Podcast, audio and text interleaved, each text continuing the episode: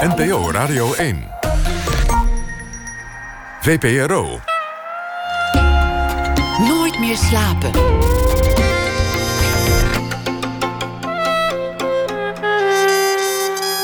Met Atze de Vriezen.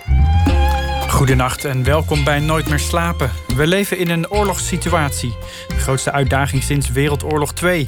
Dat horen we de politici van Europa elke dag zeggen. Het is een oorlog waarvoor we niet naar het slagveld hoeven en waarin geen bommen vallen, maar waarin de dood ons thuis komt halen en waarin strijd wordt geleverd om toiletrollen. En mijn gast van vanavond heet Reber Doski en hij komt uit Koerdistan, een land dat officieel niet eens bestaat en dat al decennia lang verscheurd wordt door echte bommen en kogels. En van, die, van de ene naar de andere kwaadwillende leider. Hij maakte een indringende film over de Koerdische vrouwen die de stad Kobani verlosten van IS midden in de frontlinie. Maar zijn nieuwe film, Sidik en de Panter, blijft juist weg van het front. Hij laat prachtige berggebieden van Noord-Irak zien, waar zijn hoofdpersoon al 25 jaar op zoek is naar een haast mythisch wezen, de Persische panter. En de film werd in 2019 bekroond op het documentaire festival ITVA. En hij zou nu vertoond worden op het festival Movies That Matter. En dat gaat niet door, want dat is er natuurlijk niet, dat festival. Noodgedwongen wordt het een online vertoning. Uh, welkom. Dank u. Dat je er bent. Uh, hoe, hoe, zou deze week eruit zien? Uh, ja, vanaf morgen eigenlijk met het Koerdisch nieuwjaar, uh, Nowruz. Ja. Movies That Matter zal starten. Niet toevallig die datum? het is wel toevallig hoor, maar... Het kwam zo mooi uit. Ja. ja. En ehm, ja, um, natuurlijk een paar vertoningen. Nou, uiteindelijk ga je uh, vanaf 1 april zouden we eigenlijk bioscoop ingaan. Dus alles is stil. We hebben drie jaar intensief gewerkt aan de film. Jo, weet je, maar het is gezondheid. En uh, iedereen is bewust wat aan de hand is. En ja, weet je. Het doet minder pijn eerlijk gezegd. Ja, ja. ja toch wel? Ja, het is wel opvallend om met zo'n film, een documentaire over een een vrij serieus onderwerp naar de bioscopen te gaan. Um, bedoel je. Nou ja, dit is natuurlijk echt zo'n film die je veel op, op filmfestivals ziet en ook ja. op tv uitgezonden wordt. Ja. Het, is, het lijkt me niet per se een, een, een bioscooptitel, een publiekstitel. Nee, kijk, sowieso in Nederland moet je, uh, uh, als je een film wil maken, moet je een omroep naast jou hebben. Ja. En wij maken zo'n duidelijke afspraak met hun. Eind van het jaar, als het film oud is, eind van het jaar komt de uh, film op, op televisie. En ik denk juist, deze film is heel erg, moet je in bioscoop zien. Het zijn prachtige beelden. De natuur is heel erg mooi. Um, het is intensief gedraaid en, en, wij komen heel dicht bij mensen daar. En wij nemen eigenlijk, um, vooral Nederlandse kijkers, um, wij nemen mij naar, naar een nieuwe wereld. En uh, ik denk op telefoon, op, op televisie, vind ik wel klein. Het is eigenlijk, het is eigenlijk te, te beperkt voor het grote spektakel dat je wilt laten zien eigenlijk. Zeker, ja. Weet je, als je naar het Midden-Oosten kijkt, en naar mijn verhalen kijk, tot nu toe hebben we eigenlijk uh, verhalen verteld alleen maar over oorlog. Ja. En dat, dat kennen wij ook een beetje. En dit was voor mij eigenlijk is echte kunst. En ik wil kijker, juist Nederlanders, meenemen naar een nieuwe wereld. Een wereld waar ik vandaan kom. En, en ook laten zien waarom wij vechten eigenlijk voor dit land. En um, Koerdistan bestaat niet alleen maar uit oorlog of Midden-Oosten of Irak ook. En ik wilde eigenlijk de schoonheid van het land laten zien. En nee, eigenlijk, um, de bergen is zijn hoofdpersonage van mijn film. Niet die man die die panter zoekt, maar de bergen. De bergen. En ik wilde, um, en wij zeggen, we hebben een, een, een uitspraak. Enige vrienden van Koerden zijn hun bergen. Die ontvangen ons altijd als wij uh, in moeilijkheden zitten. En Siddiq is een gids. En die die ook rondhangt in de bergen. Die heeft een eigen verhaal. Ik dacht, ja, dat is een heel mooie combi. Het is mooi gegeven om, om die twee met elkaar te verbinden. Dat, dat landschap, hoe dat eruit ziet, hoe, hoe mooi het eruit ziet en hoe imponerend het eruit ziet, is, is totaal niet wat we zien als we de, de, de nieuwsberichten over de strijd die nu bijvoorbeeld gevoerd wordt in Syrië, Noord-Syrië, uh, waar de Koerden natuurlijk mee te maken hebben. Dat is totaal niet het beeld. Hoe kan, hoe kan dat dat het zo verschilt? Nee, wij zijn gericht op, uh, op drama. Ehm, eh, vooral nieuws ook. Ehm, en een journalist die gaat nergens naartoe, die kijkt waar ellende is, die pakt gewoon een twee en een verhaal. En dat werkt ook zo, zeg maar, op, op, op Netflix van mensen. En een, uiteindelijk, die ene drama is belangrijker dan al die andere elementen. Maar niet alleen het drama, ook het landschap. Ja, maar ik bedoel, eh, eh, de, de, de, mijn eigenlijk ik probeerde um, reageren op de eerste vraag. Mm -hmm. dus Midden-Oosten hebben we altijd die ene voorbeeld, dus oorlog, die ellende, die drama. En, en daardoor hebben wij vergeten eigenlijk al die schoonheden te laten zien. En ik denk, en, en dat is ook een van mijn redenen geweest, joh. Ik wil eigenlijk andere gedeelten van de wereld laten zien daar. En een, um, het is prachtige landen. Het is, die bergen zijn heel erg mooi. Um, en mensen komen ook daar op vakantie. Er is een stad in het zuidoosten van Turkije, uh, net zo Koerdistan. En per jaar komen anderhalf miljoen toeristen alleen maar daar naartoe. Maar niemand weet het over deze stad. En het zijn prachtige plekken, het zijn prachtige gebieden. En uh, nou, ik hoop dat het met deze film, met deze ingang, zeg maar, een beetje aandacht is voor andere mooie gedeelten van dit land. Hoe ben je op het spoor gekomen van deze man, die gids, die, die man die op zoek is met zijn staf naar die panter? Ja, um, 2013 uh, ben ik afgestudeerd met film Lokrop. Ja. Um, in Zuidoosten van Turkije hebben wij gedraaid. Het gaat over uh, via uh, uh, vader-zoon relatie, maar uiteindelijk het gaat over noodgedwongen verhuis zijn naar Istanbul toe. En uiteindelijk na 25 jaar de vader die komt naar zijn dorp, die probeert zijn dorp weer op te bouwen. Maar zijn kinderen zijn geassimileerd. Die willen niet meer naar Koerdistan komen. Die zeggen, we hebben niks met die stenen die je is, uh, zeg maar, is mij hebt. Tegen, zeggen, tegen hun vader. En het is een bijzonder kleine verhaal, maar dat voor is heel groot voor ons, zeg maar. En die film was geselecteerd in, in De Hoek, Internationaal Filmfestival. En in de trailer hebben wij een patrijs in dat film. Dat komt voor. En zondag dacht ik ga naar een natuurfilm kijken. Ja. Die was helemaal speciaal drie uur verder gekomen naar het festival om alleen maar mijn voor film... Die vogel. voor ja. die vogel. En hij was een beetje teruggesteld. Er zijn twee scènes alleen maar in de film. Maar dat speelt inderdaad een soort bijrol. Die lokroep, dat is natuurlijk, de, de film is er naar vernoemd, bij wijze van. Precies, ja, ja. Maar dit is eigenlijk meer een symbool geworden in het verhaal. Het is een metafoor, een symbool, uh, inderdaad. En uh, hij dacht, ik ga naar een natuurfilm kijken. Dus uh, na de film hebben wij samen heel veel thee gedronken met heel veel suiker. Zoals dat gaat? Ja, en ik, ik merkte, hij was ja, heel toegankelijk, heel sympathiek, uh, heel beheers. En nou ja, raak je met elkaar in gesprek. Ik dacht, oké, uh, wat doe je hier en waar kom je vandaan? En hij vertelde zijn verhaal. Ik dacht, ja, weet je, wij maken allemaal verhalen heel mooi. En het zou wel kunnen zijn dat hij meer verteld heeft. Ben ik een paar maanden later, was ik weer daar in Koerdistan. Ik dacht, ja, ik ga naar hem toe. Want zijn verhaal blijft hangen bij mij. En ik heb zo'n notitieboek heb ik genoteerd ergens. En toen ik bij hem was, ik merkte dat hij min heel weinig verteld had eigenlijk. Hij had nog meer bagage. Hij was nog bijzonder dan wat ik ontdekt had. Eigenlijk zodoende is begonnen. En wat was er dan zo interessant wat je eerst nog niet ontdekt had? Nee, ja, bijvoorbeeld zijn geschiedenis. Uh, en, en, hij heeft er totaal niet over verteld uh, waar hij precies vandaan komt en wat hij meegemaakt heeft. 16 keer is zijn dorp vernietigd door Saddam. En van alleen maar van zijn stam, familie, 300, 400 mannen zijn verloren gegaan. En uh, zijn oom die in het midden uh, op een plein opgehangen is uh, door Saddam en zijn regime. En, voor hun ogen allemaal. En dat heeft hij niet verteld. En, en, maar ook dat hij eigenlijk zo intensief bezig is met de natuur. En wat dat allemaal betekende eigenlijk voor hem. Maar ook de zoektocht naar Panther. Hij was heel voorzichtig met Panther. Hij zei, ik heb hem wel sporen, maar ik durf het niet openbaar te maken, want mensen zijn heel erg geïnteresseerd. Die gaan ook zoeken, die gaan natuur uiteindelijk in. Sommige mensen hebben kwade bedoelingen. Die willen misschien gaan jagen, stoer doen. Kijk, ik heb een panter vermoord. Dus al die mysterie, zeg maar, die maakte hem nog voor mij completer.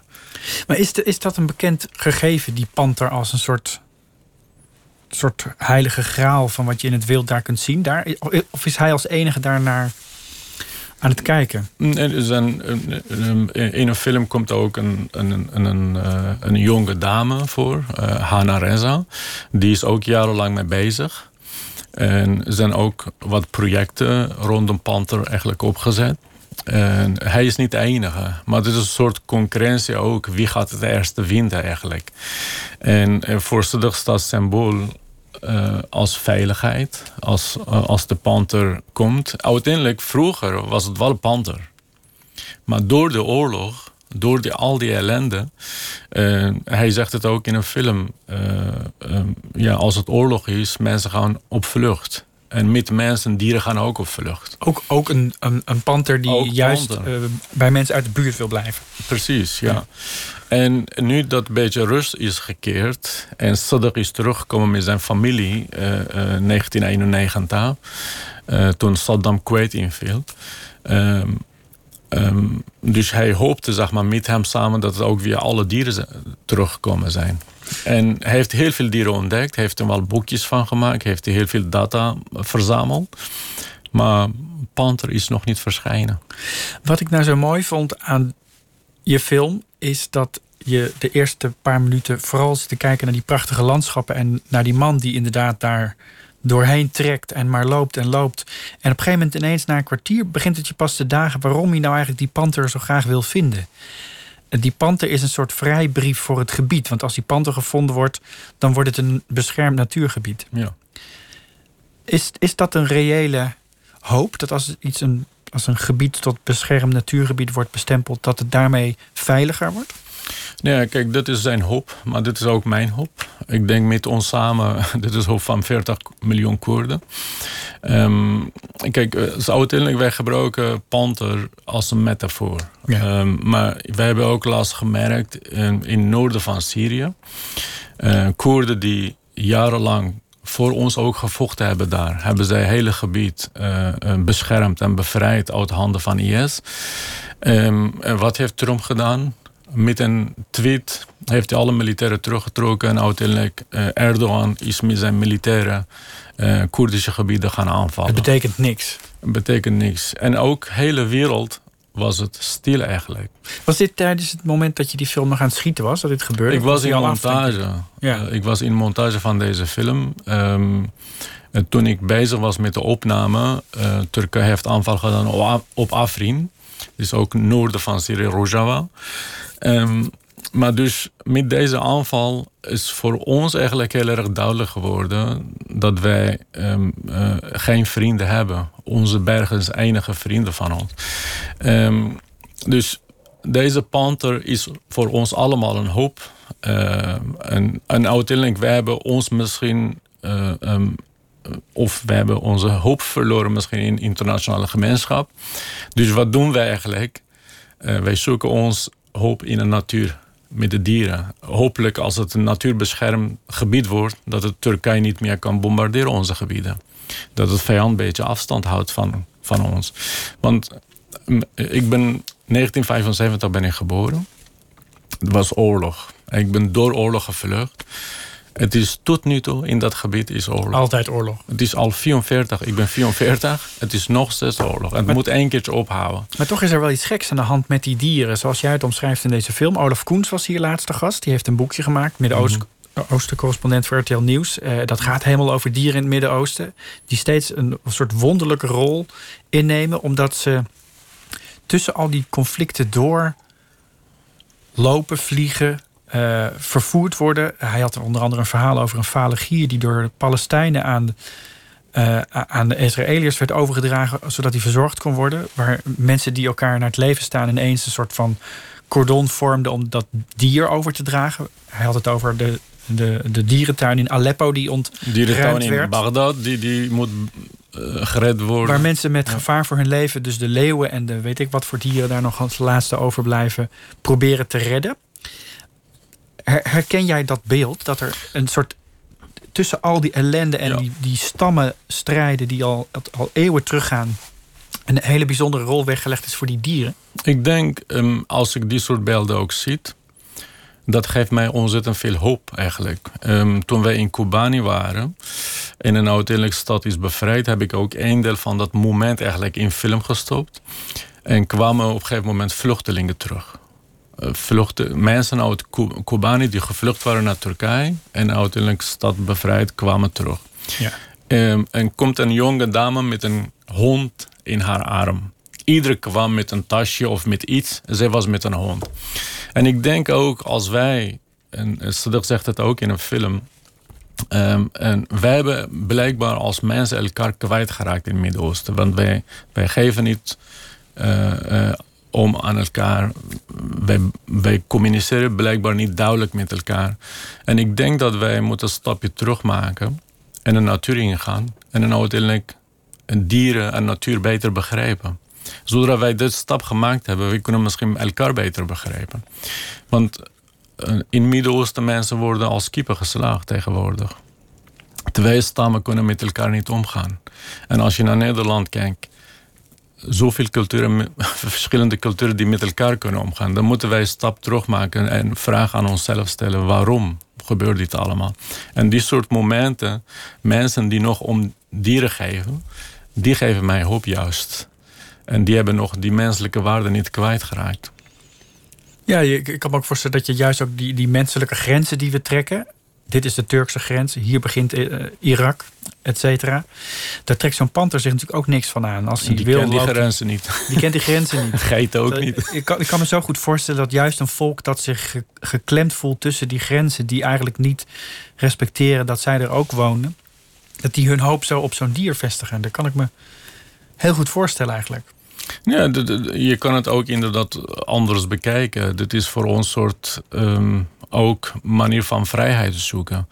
Panthers, dat inderdaad, heb ik ook oud gezegd, die kennen die grenzen niet wat wij bepalen.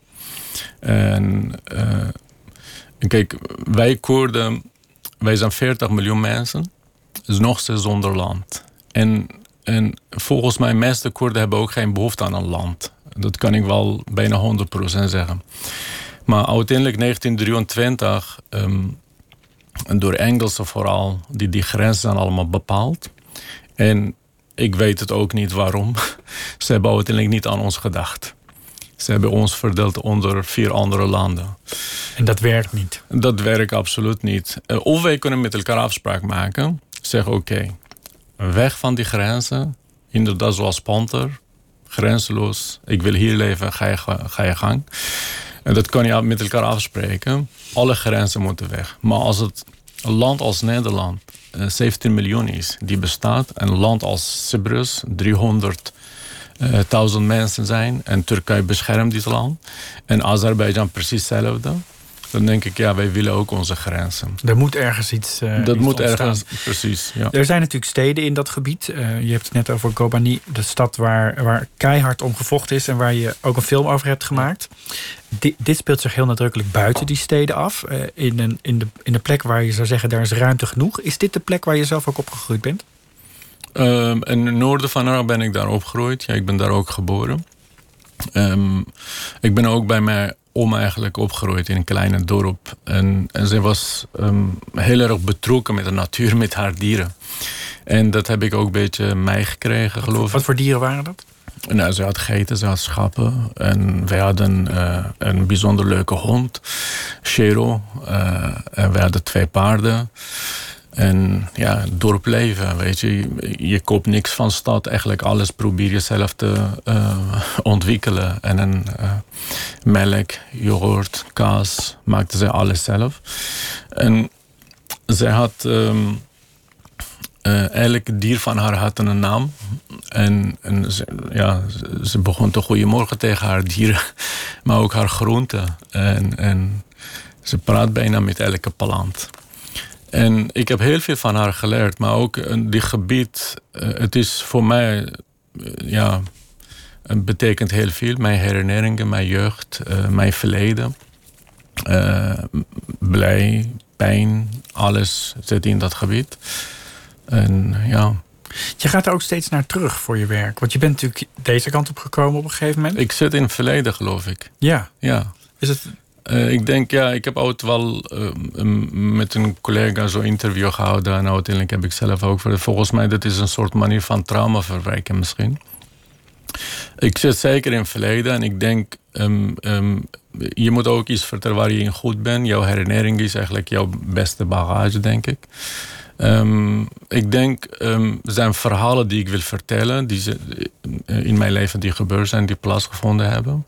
Zodat die allemaal af zijn, kan ik me misschien mij richten op de toekomst. Uh, maar er zijn ook verhalen die ik goed in ben, die dicht, uh, heel dicht bij mij zijn. En, en ik denk maar is dat, je, is dat inderdaad je gedachte dat je, die, dat je die verhalen achter je wil laten? Of? Nou, ik denk het is een manier van verwerken. Uh, bijvoorbeeld, uh, soms komen dingen bij mij uh, op terwijl dat je iets anders aan het doen bent, in een tuin bezig bent of met muur aan het verven bent. Het komt in één keer een flash over um, ja, vriendschap. Uh, mijn jeugdvrienden bijvoorbeeld, die we elkaar kwijtgeraakt hebben. Eentje die woont in Canada, de andere woont in, in Duitsland, die andere woont in Turkije. En, en kom in één keer gesprekken die wij met elkaar hadden. En die zijn belangrijk blijkbaar voor mij, daarom komen ze terug. En als je naar mijn verhalen ook kijkt, uh, meestal uh, mijn verhalen gaan over vriendschap. En gaan over vader-zoon relatie of gaat over onthem zijn, opnieuw beginnen of uh, on, onmogelijke liefde. Ja. Er zit een heel mooi eh, gesprek. Er zitten heel veel gesprekken in deze film tussen Sedik, die, de gids, en allerlei mensen die hij ontmoet. Ja. Eén uh, gesprek zit in een, het is, het is een soort grot, een soort ruimte. Het regent buiten. Uh, Met Saman, ja. Het, het is uh, een, een mooi tafereel. Ik zou er willen zitten als ik, als ik het zo zie. En dat, dat gesprek gaat over ja, die, die andere jongen die wil eigenlijk wel weg, die man. Die, die, die denkt erover om naar Europa te gaan. En die, die heeft daar dromen over. En dat wordt hem uit het hoofd. Niet tevreden in eigen land. Niet tevreden over zijn lot eigenlijk. Hij geeft niet om de schoonheid uh, waar Sadek heel veel om geeft. En ja. Nou, het, ik, vond, ik vond dat eigenlijk misschien wel het mooiste gesprek in, het, uh, in, het, in de hele film. Juist ook omdat het eh, zo reflecteert op wat je zelf wel gedaan hebt. Je bent daar weggegaan. Ja. Uh, die vraag, ga ik weg of niet? Het lijkt voor hem als het ware een kwestie van... ja, misschien ga ik dat doen. Misschien volgende week, misschien over een jaar. Ja. Maar zo simpel is het natuurlijk niet. Nee. Je moet er heel wat voor doen om daar... Je bent niet welkom hier bijvoorbeeld. Um, voelt dat zo voor hem kennelijk voelt, voelt dat zo dat hij die mogelijkheid wel heeft om dat te gaan doen. Maar dat is ook natuurlijk een, een soort reis van je leven die je moet gaan ondernemen met alle risico's van dien. Uh, hoe is het voor jou gegaan? Is dat van het een op het andere moment hals over kop gegaan? Is het iets wat je gepland hebt? Hoe, hoe ging dat? Nee, volgens mij vluchten op een gegeven moment tot ergens plan je niet. Maar als het dichtbij komt, ga je plannen, moet je weg. Kijk, verschil tussen mij en, en Saman is... of verschil tussen al die politieke vluchtelingen... die uiteindelijk noodgedwongen zijn om te vluchten is, is, is een manier van eh, weg te gaan. Uh, je zou niet alles kunnen voorbereiden. Maar Saman heeft een probleem. Saman, ook terecht. Hij is geïsoleerd in eigen land. En die heeft geen enkele inkomen. Die had geen enkele inkomen. Die, die wil, nou ja, um, die heeft een internet in zijn hand. Die heeft een moderne telefoon. En die ziet de rest van de wereld op Instagram dat het iedereen blij is. Dat het iedereen happy is. En hij wil dat ook.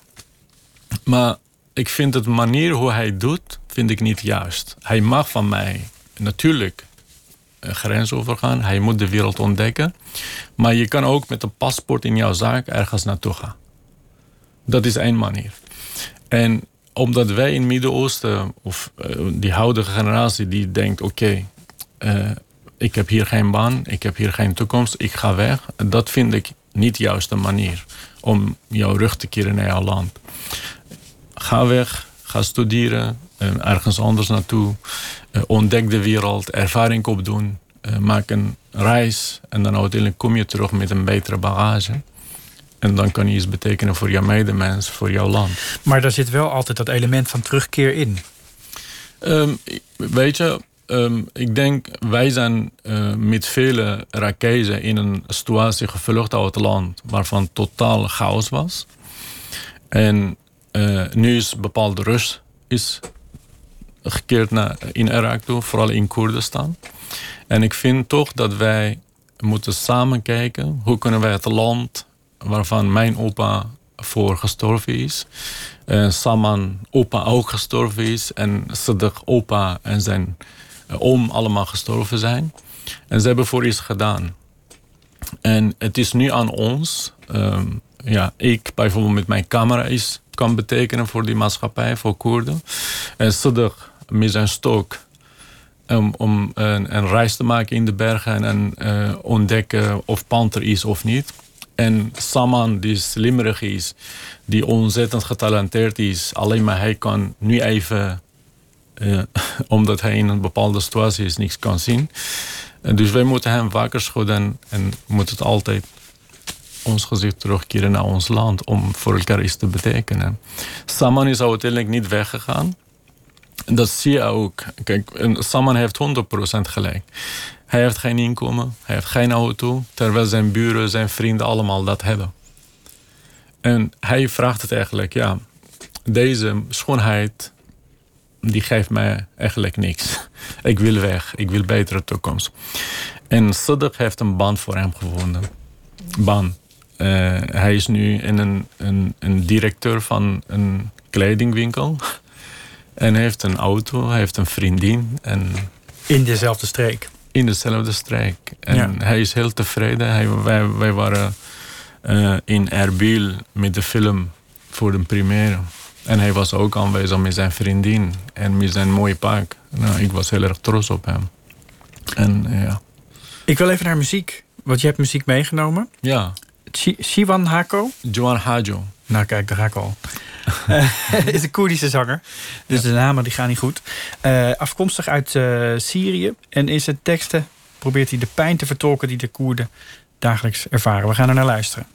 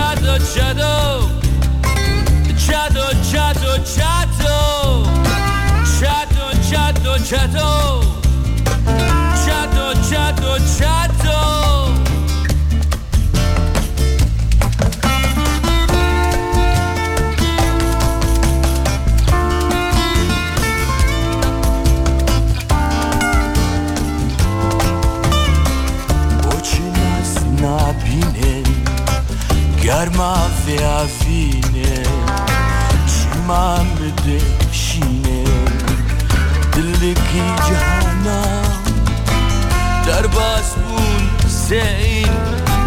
به حسو به دنگین. نونا مگن افکین. شفاکره یک شم. چطو چطو چطو.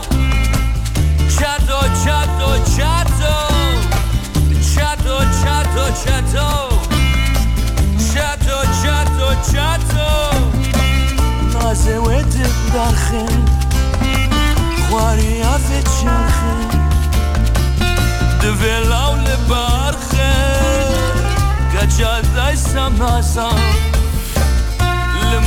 Wil je hem zelf afkondigen? Dan ga ik niet weer de mist in. Joan Haju. Uh, eh, het nummer heet Chato eigenlijk. Nacht in Azen. Uh, is verliefd op, uh, op een vrouw die getrouwd is. En hij komt van een andere streek, andere dorp, een nieuwe omgeving. Dus hij kent blijkbaar die regels niet helemaal goed van die maatschappij. En hij is verliefd op een, een vrouw die getrouwd is. En hij is een rijke jongen, hij doet alles aan om, om haar hart te veroveren, maar het lukt hem gewoon niet. Het gaat over onmogelijke liefde. Het lukt niet en het mag ook niet. Dat mag zeker ook niet, ja. Nee. ja. Die tradities die spelen ook vaak een rol in je films. Hè? De manier waarop het geacht wordt te gaan en de manier waarop het gaat en de, en de rebellie daartegen. Dat Dus, klopt, ja. Het keert heel vaak terug. Ja, Ja. ja. Nee, ik denk uiteindelijk, weet je, een, een, als documentairemaker, je, je gaat een, een maatschappij in, je gaat onderzoeken, je houdt rekening met hun achtergrond, met hun regels, met hun codes. En, en dat probeer je ook op dezelfde wijze eigenlijk terug te brengen in een film. En ja. Ja. Er zit een waanzinnig persoonlijk moment ook in die film. Dat is het moment dat je eigenlijk vertelt over wat je net al zei, over je eigen grootvader die Ja. daar in die streek vermoord is. Ja. Ehm, het viel me op dat je het filmde zonder jezelf in beeld te nemen. Als, alsof het eigenlijk een spontaan moment was. Maar dat kan het bijna niet geweest zijn. Eh, dat is, weet je, wij hebben met crew afgesproken en heb ik, ehm, eh, ik ben nooit op die plek geweest, eerlijk gezegd. Ook ehm, mijn vader is volgens mij alleen daar geweest en heeft hij ook met ons nooit gedeeld. Wat is het voor plek? Een plek waar eigenlijk tussen twee steden en een berggebied waar mijn opa ehm, eh, door eh, ehm, militairen van Saddam vermoord is. En wij hadden wel afgesproken met crew, uh, Saddam wist niks van. Nee. Ehm, en hij zei, ja, ik voel wel tegen mijn cameraman, eh, Roy van Egmond. eh, ik voel dat het een speciale plek is, bijzondere plek is. Ik voel dat, maar ik weet niet wat. Laat maar komen. En ehm, ja, we hebben gewoon zo'n beetje met elkaar afgesproken, jongens. ehm, ja, laat maar gaan. Kijken wat het gaat opleveren. Wat deed het met je dan, die plek? Ehm, eh,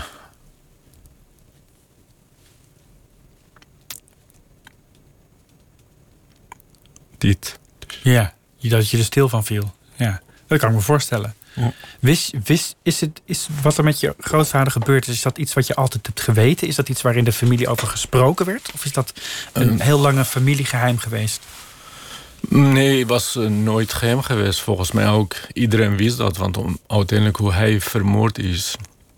ehm, en volgende dag is met de tank helemaal naar de stad gebracht is. Achter de tank aangesleept. Aangesleept. En in het midden van een plein hebben ze aan, aan, een, aan een stad laten zien. En Als, als voorbeeld eigenlijk voor de... ja, Ja, ja. afschuwelijk. Dat is de leider. Met hem is dit gebeurd, dus jullie moeten op jullie knie gaan. Anders gebeurt dit ook met jullie. En dus iedereen wist dat. En als het jouw familie van jou verbergt, dan buren praten het over. En dus eh, ja, eh, toen wij op dat plek waren, eigenlijk zelf de gevoelens waren wat ik nu had. En eh, ik denk ook die familiegeschiedenis allemaal zat in mijn hoofd eh, spelen.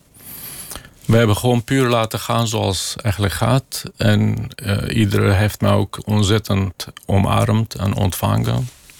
En zoveel cameraman, maar ook geluidman. Bijzondere jongens, Taco en Roy. Maar Sudak was ook precies uh, op dezelfde wijze. Vond je dat dat dat dat moest? Dat je dit verhaal moest bijdragen aan deze Ja, film? Een ja. soort verantwoordelijkheid dat ten opzichte van je eigen film? Nee, kijk, bij het begin van ons gesprek heb ik gezegd dat het, ehm, deze film gaat over die bergen. Onze hoofdkarakter is, eh, zijn de bergen. Ja. Sadak is uiteindelijk een gids die ons begeleidt in die bergen. En mijn verhaal is ook een deel van deze bergen, deze omgeving. Dus ik, ik vond wel een tijd is dat ik ook in mijn eigen film moet iets over mij vertellen. Dus eh, ja, Het moest, het moest, er, het moest er iets, het, het moest er in- ergens een plek in, eh, in vinden. De- zeker, want het is mijn verleden, dit is mijn geboorteplek. eh, ehm, en wat ook familiegeschiedenis eigenlijk is. En Sadak ehm, eh, maakt tochten in de bergen, die komt mensen tegen. ehm, eh, die komt eh, een Saman, die komt eh, een herder, die komt een, jager, die komt imker tegen, die luistert naar hun verhalen. En ik ben daar om hun verhalen te vertellen, maar ik ben ook een deel van die verhalen. Dus ik vond dat het tijd was, maar ook een deel van mij, zeg maar, gevoel moest ik in een film stoppen. Wie ik ben, waar ik vandaan kom. En wilde ik met deze kleine moment eigenlijk eh, aankaarten en aangeven. Je hebt wel eens gezegd dat het belangrijkste motto voor een vluchteling is: geef de moed nooit op en koester geen wraakgevoelens. Zeker, ja. ja. Welk van die twee is het moeilijkst? Eh, nooit opgeven. Ik denk, wraak moet je sowieso nooit kosten. Maar eh, opgeven lijkt me heel erg moeilijk. Soms heb je geen kracht. En soms heb je geen instrumenten. Eh, en, en, maar toch ehm, vind ik hoop moet je nooit verloren. Zodra hoop verloren is gaan, dan, dan ben je eigenlijk klaar. Eigenlijk in dat gesprek met die, met die Saman is, is de conclusie ook eigenlijk dat als je weggaat, dan betekent dat eigenlijk al dat je de hoop opgeeft. Dus eigenlijk voordat je weggaat, moet je de hoop al zien te behouden. Ehm, nou ja, wat Saddam zegt tegen hem eigenlijk. ehm, ehm, als je weggaat, dan verloor je jouw waarde. En eigenlijk, met andere woorden. Dus je- een nederlaag. ja, je bent hier eh, in, jouw, in je eigen omgeving, in je eigen gemeenschap. Je hebt nog bepaalde waarden. Maar als je als vluchteling naar ergens anders naartoe gaat, dan moet je opnieuw beginnen. Je weet ook niet hoe je ontvangen wordt. Je weet niet hoe je behandeld wordt. Je weet niet of je gaat daar redden of niet. Dus stel je voor, waar ook wij vluchtelingen heel veel mee zitten. Zodra je ergens naartoe bent gevlucht, 10 jaar, 20 jaar of 15 jaar.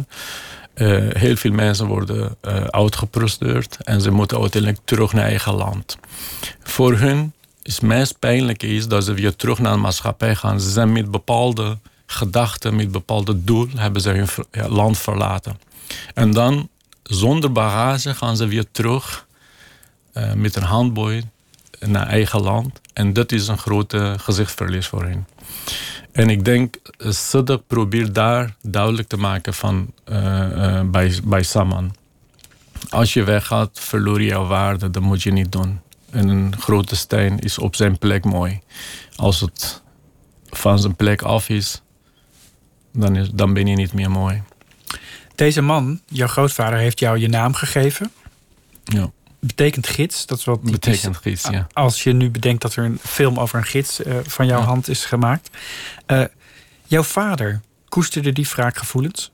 Want hij is gaan strijden. Zeker, En hij is, eh, hij is jarenlang uit je leven geweest. Ja. Omdat hij in feite in, zijn, in de voetsporen van je vader is getreden als Ja. strijder, als rebel. Ja, Ehm, zeker. Ehm, eh, gek genoeg heb ik een. ehm, deze gesprek heb ik oud met mijn vader eh, gehaald. En aan de hand van die gesprek heb ik een scenario geschreven. Hij heeft een zes jaar in de gevangenis gezeten. Hij, is, heeft vreselijke dingen meegemaakt in de gevangenis. En ik zei tegen hem: stel je voor als het een van de geheime diensten die, die jou mishandeld heeft. En, en straks komt aan de deur. En hij komt in één keer. En dan herken je hem. Wat ga je doen? Hij zegt, ik ga meteen hem vermoorden. zei hij. Eh, Zonder na te denken. En, Dat, dat was een, een fractie van een seconde is Ja, beslist. Die gaat eraan. Ja. Precies, ja. Hij heeft mij pijn gedaan. Ik ga gewoon terug doen. Zijn vader ehm, is martelaar geworden. En uiteindelijk heeft hij zijn wapen gepakt. Hij is ook de- Letterlijk? letterlijk. Hij is naar de bergen gegaan. Maar ik vind Ehm, dat, eh, weet je, wij, nieuwe generatie, moeten ook met onze tijd meegaan. En ehm, ik denk met de camera wat ik nu doe, het is het werk wat mijn opa heeft gedaan. En hij kende geen andere manieren. Eh, mijn vader misschien ook niet. Maar de wereld is veranderd. Eh, en de wereld is kleiner geworden met de een technologie, postmoderne samenleving. En daardoor denk ik, ja, wij moeten ook andere manieren bedenken, maar ook andere concepten bedenken. Ik uh, probeer iets te, terug te doen met mijn cameraman. Camera. En Sadig uh, met zijn stok. Hanna, die op een wetenschappelijk niveau bezig is. En dat is misschien ook de manier om iets te betekenen voor ons land. een, een, een wapen is tot ergens misschien goed geweest. Jou verdedigen, jouw volk beschermen. Maar als je aan mij vraagt, ik zou zeggen, alle wapens moeten weg. Uh, alle wapens moeten terug naar fabriek. We moeten een, een instrumenten maken voor kinderen van dat wapens. Er is nergens voor nodig. Als die vader dan weggaat of vermoord wordt of, of, of gewoon simpelweg verdwijnt, dan blijft de moeder of de oma achter. De vooral vrouw. vrouwen en kinderen bleven achter. Die spelen een heel belangrijke rol in je werk. Niet zozeer in deze film overigens. Er is eigenlijk ja, die, die wetenschapper die niet uh, onbelangrijk is de enige met autoriteit, eh, zullen we maar zeggen. Behalve de, de, de man die de panter zoekt. In, in je andere films is dat veel, veel belangrijker. Um, hoe, welke rol spelen vrouwen in jouw opvoeding? Weet je, tot mijn twaalfde hadden wij één om in ons eh, gezin. En wij dachten, hij is onze vader. Je wist eigenlijk niet dat het niet je vader was? Nee, hij zorgde voor ons. Hij koopte alles voor ons. Wij dachten, ja, hij is de papa. en toen twaalfde kwam een kale man in ons leven. Die dachten, oké, wie is deze man? Die gestoorde man. Die, die, Zo kwam die over? Uh, ja, hij was letterlijk gestoord. Eigenlijk uh, in zes jaar getraumatiseerd, getraumatiseerd in gevangenis gezeten. In één keer kwam, ik ben jullie vader. Ik dacht, nou, rennen. Iedereen weg. Dus wij zaten eigenlijk met alleen maar vrouw. En die vrouw, mijn oma, was een heel sterke vrouw. En, en, en, en wij, ja, dat was onze grote steun. Ik denk dat heeft ook een bepaalde effect op mij gehaald. In het Midden-Oosten, wij missen ook eigenlijk... Wij mannen hebben heel veel ruimte. Uh, en wij geven geen ruimte aan die vrouw. Eigenlijk... Um, in het Midden-Oosten dan heb je wel ook gemerkt met, met, met, met de oorlog uh, tussen Koerden en IS, uh, Islamitische Staat. Uh, deze krachtige vrouwen die zijn naar voren gekomen. Die hebben gezegd, tot hier en niet verder. Hoe is dat gegaan? En ik dacht, ja... Um, um, nee, als, je, als je naar het Midden-Oosten kijkt... mannen hebben alles bedacht... en vanuit mannenperspectief wordt het ook uitgevoerd. En deze vrouwen die vanaf jaren tachtig eigenlijk in beweging zijn, die willen de maatschappij veranderen. En toen IS kwam, die dachten: oké, deze gedachte die bestaat al 700 jaar. Het is een nieuw moment dat wij moeten ons laten zien, dat wij onze stem moeten laten horen. Ze hebben een lesje geleerd wat IS gedaan heeft in, in Sinjar in 2014. Eh, met wapens wat zij eh, van Raakse militairen gejat hadden, hebben zij Koerdische gebieden aangevallen. Vooral 3000 Koerdische Yazidi vrouwen hebben zij ontvoerd. Nou, dat weten wij allemaal wat met hun gebeurd is. En die Koerdische vrouwen in het noorden van Syrië hebben zij gezegd: Oké, wij gaan niet hetzelfde laten met ons gebeuren. Ze hebben wapens gepakt. Ze hebben gezegd tegen die mannen: Wat jullie kunnen, kunnen wij ook. Ze hebben ook hun plek geëist eigenlijk. Als je nu naar het noorden van Syrië gaat, Rojava, elke belangrijke functie heb je één vrouw en een man. Dat is een co-voorzitterschap of co-presidenterschap. Dat is officieel zo? Het is officieel zo. Je hebt een mannelijke presentator, heb je een vrouwelijke presentator. Twee gedachten. Ze moeten samen beslissen hoe maatschappij moet het eruit zien. En dat vind ik fantastisch. Dat is een goede voorbeeld waar eigenlijk mijn oma bewust of onbewust voor stond. Het is fascinerend als je bedenkt dat er een, als een, een land op zo'n manier ontwricht wordt, in de zin van alle mannen worden weggevoerd, uh, gaan ter strijde, zijn jaren van huis, dan moet dat iets betekenen voor de manier waarop die maatschappij functioneert. Dat kan niet anders, omdat die vrouwen de enige zijn die overblijven. Hoe verandert het dan wezenlijk?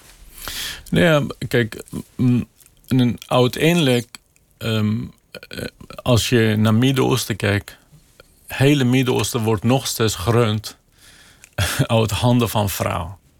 Alleen maar wij mannen eh, in een huishouden, ook mijn moeder of oma waren altijd de baas. En mannen waren eigenlijk, ehm, altijd moeten ze naar hun te luisteren. Dus binnen het huis? Binnen het huis, binnen de vier muren. Maar zodra je naar buiten komt, naar maatschappij stap maakt, de vrouwen moeten twee stappen terug.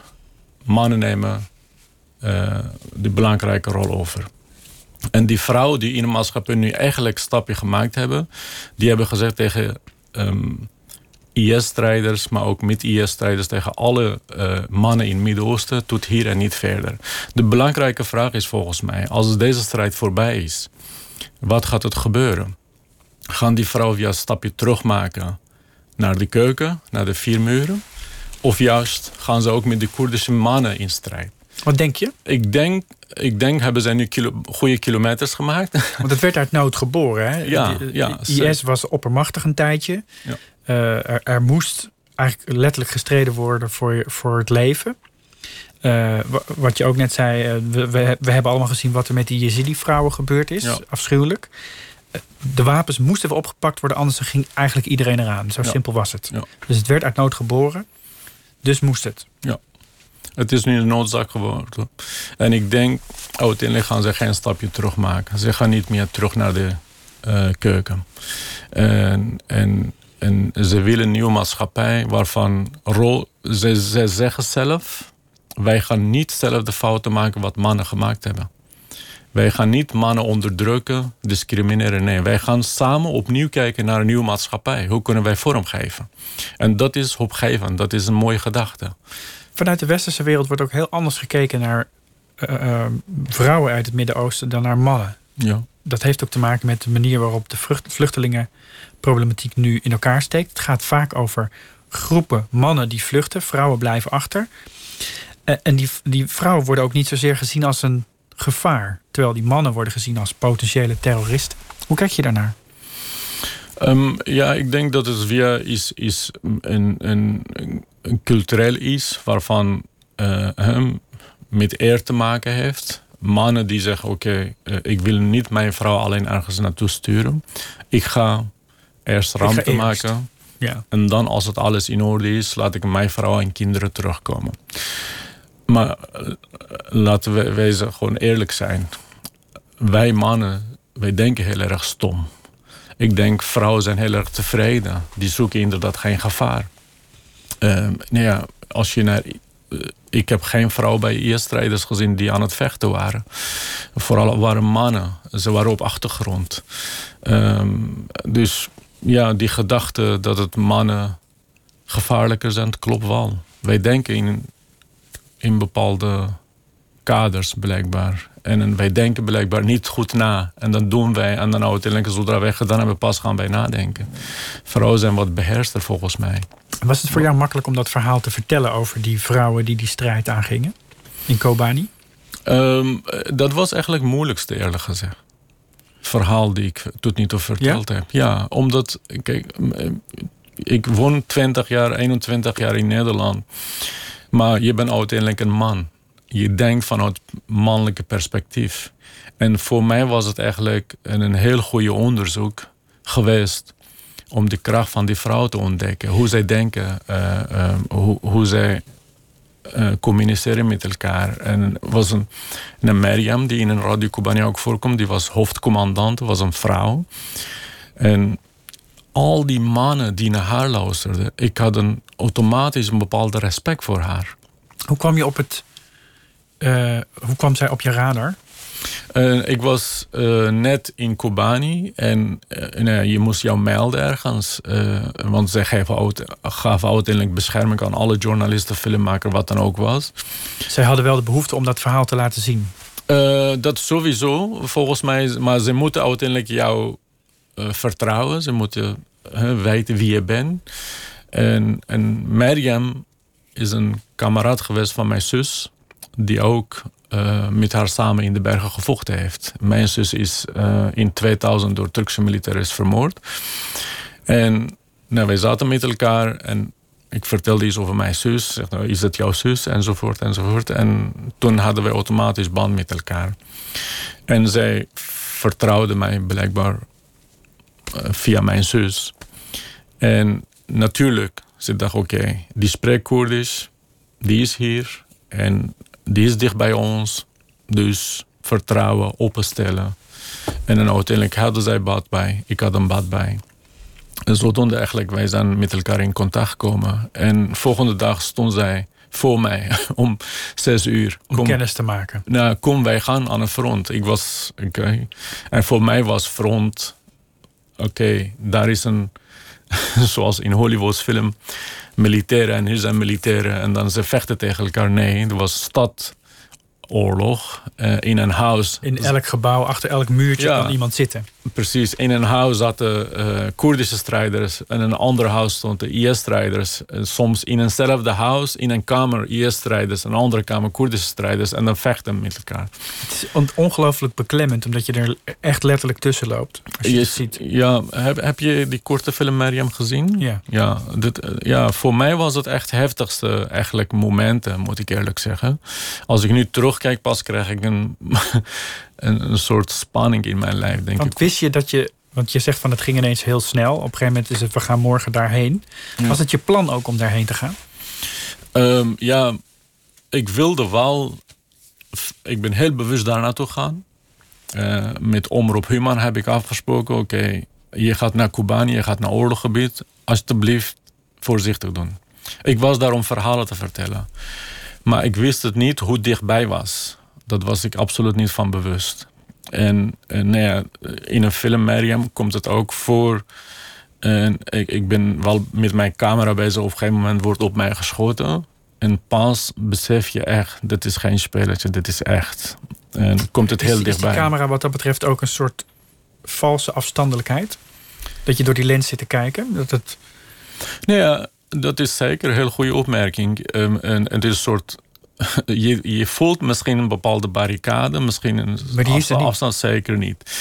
Maar je bent eigenlijk juist toen, uh, toen uh, heel veel journalisten in Kobani waren, werd gemikt op journalisten.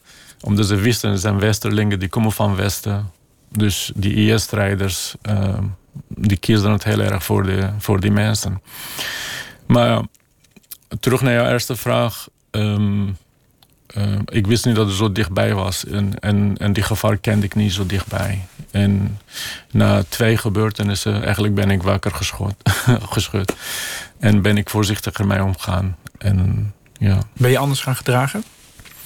Uh, zeker. Want je wil juist natuurlijk dat, dat, dat, dat voorste stuk van die frontlinie... en het, letterlijk het stof dat om je camera heen schiet dat is natuurlijk wel wat je wilt laten zien.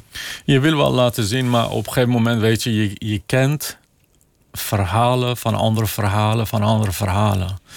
Je wil op een gegeven moment zelf zien, is dat waar of dat niet waar? Uh, wat is deze oorlog?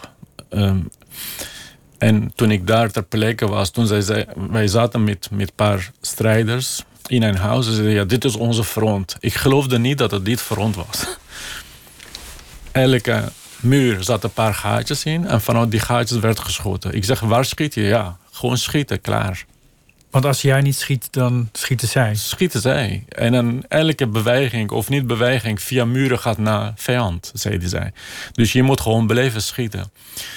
En ik dacht, ja, maar ik hoor, ik hoor alleen maar geschoten wordt en ik weet niet van wie die zijn. Dus ik had totaal geen oriëntatie gevonden. Met zo'n kogel op mij afkomen, eigenlijk ben ik pas gaan beseffen, ja, ik zit aan een front. En je moet jou inderdaad anders gaan gedragen. En toch zit er in die film die je gemaakt hebt over Kobani ook... toch, toch zit er hoop in. Zeker. En dat zie je aan het begin niet aankomen. Aan het begin denk je, dit is, dit, nou ja, wat je zegt. Het is een onmogelijke situatie. Je zit achter een muurtje. En er wordt geschoten, maar je weet niet waar vandaan. En, eh, ja. En toch komt er dus langzaam maar zeker hoop in dat verhaal. Nee, waar oorlog is, moet uiteindelijk een vrede komen. Dat was ik wel bewust van. Maar ja, de vraag is uiteindelijk hoe uh, komt er vrede? En uh, ik dacht, ja, ik moet heel dicht bij mijn karakter beleven, Dilovan. Een journalist die daar mensen interviewt. Ja, die interview, die radio maakt, daar wat ik radiostation opgezet heeft. En uh, er was altijd hoofdvraag, oké, als het oorlog voorbij is, wat gaat Dilovan doen? En op een gegeven moment had ik contact met haar, die zei, ik ga trouwen, nadat de oorlog voorbij was, met Hanan. En wat zij ook doet, het was bijzonder met een Arabische jongen. Die hele oorlog was eigenlijk een met tussen Koerden en Arabieren enzovoort enzovoort. En eh, dat was voor mij eigenlijk een heel mooi moment. En ik was zelf ook niet daar met dat uh, trouwerij. Moment van haar. En, een, en, iemand anders heeft het in Kobani voor mij gefilmd. Omdat ik niet bij kon zijn. Heb je hoop voor de Koerden? Uh, zeker, zeker, zeker, ja. ja. Ik denk uiteindelijk uh, um, Koerden kregen wat ze willen. Het is een zelfstandige land. En um, dit is vanaf 1991 hebben wij een soort autonomie in het noorden van Irak. En dat gaat best wel goed. Um, en als je, als je nu naar het noorden van Irak gaat en dan naar de samenleving kijkt, vind ik bijzonder hoe dat gaat. Al die verschillende culturen via met elkaar samen kunnen leven. Dat, uh, dat straalt bepaalde kracht, maar ook bepaalde hoop. Daar ben ik wel heel blij mee. Ja. Het zit er nog in, dus ergens. Zeker, ja. ja. Wij moeten hoop nooit verloren. Ja. Ik denk als Nederland voor mij is een beste voorbeeld. Het is een prachtige land waarvan wij een samenleving hier opgebouwd hebben. Dat wij eigenlijk aan iedereen kan laten zien, kijk, zo kan het wel. Dankjewel dat je hier was. Het uur is, uh, is voorbij gevlogen. De, de mooie film die je hebt gemaakt, Sedek en de Panter is te zien op uh, moviestatmatter.nl slash festival. Vanaf nu, als ik het goed begrijp. Uh, ja, klopt, uh, hij is dus te zien online. We kunnen toch de deur niet uit, dus we gaan er gewoon naar kijken. Morgen in Nooit meer slapen. Dan is actrice en theatermaakster Romana Vrede te gast. Ze speelde in televisiefilms en series. en sinds 2016 is zij verbonden aan het Nationale Theater. Dankjewel, Rebedowski, dat je er was. Ja, ook bedankt.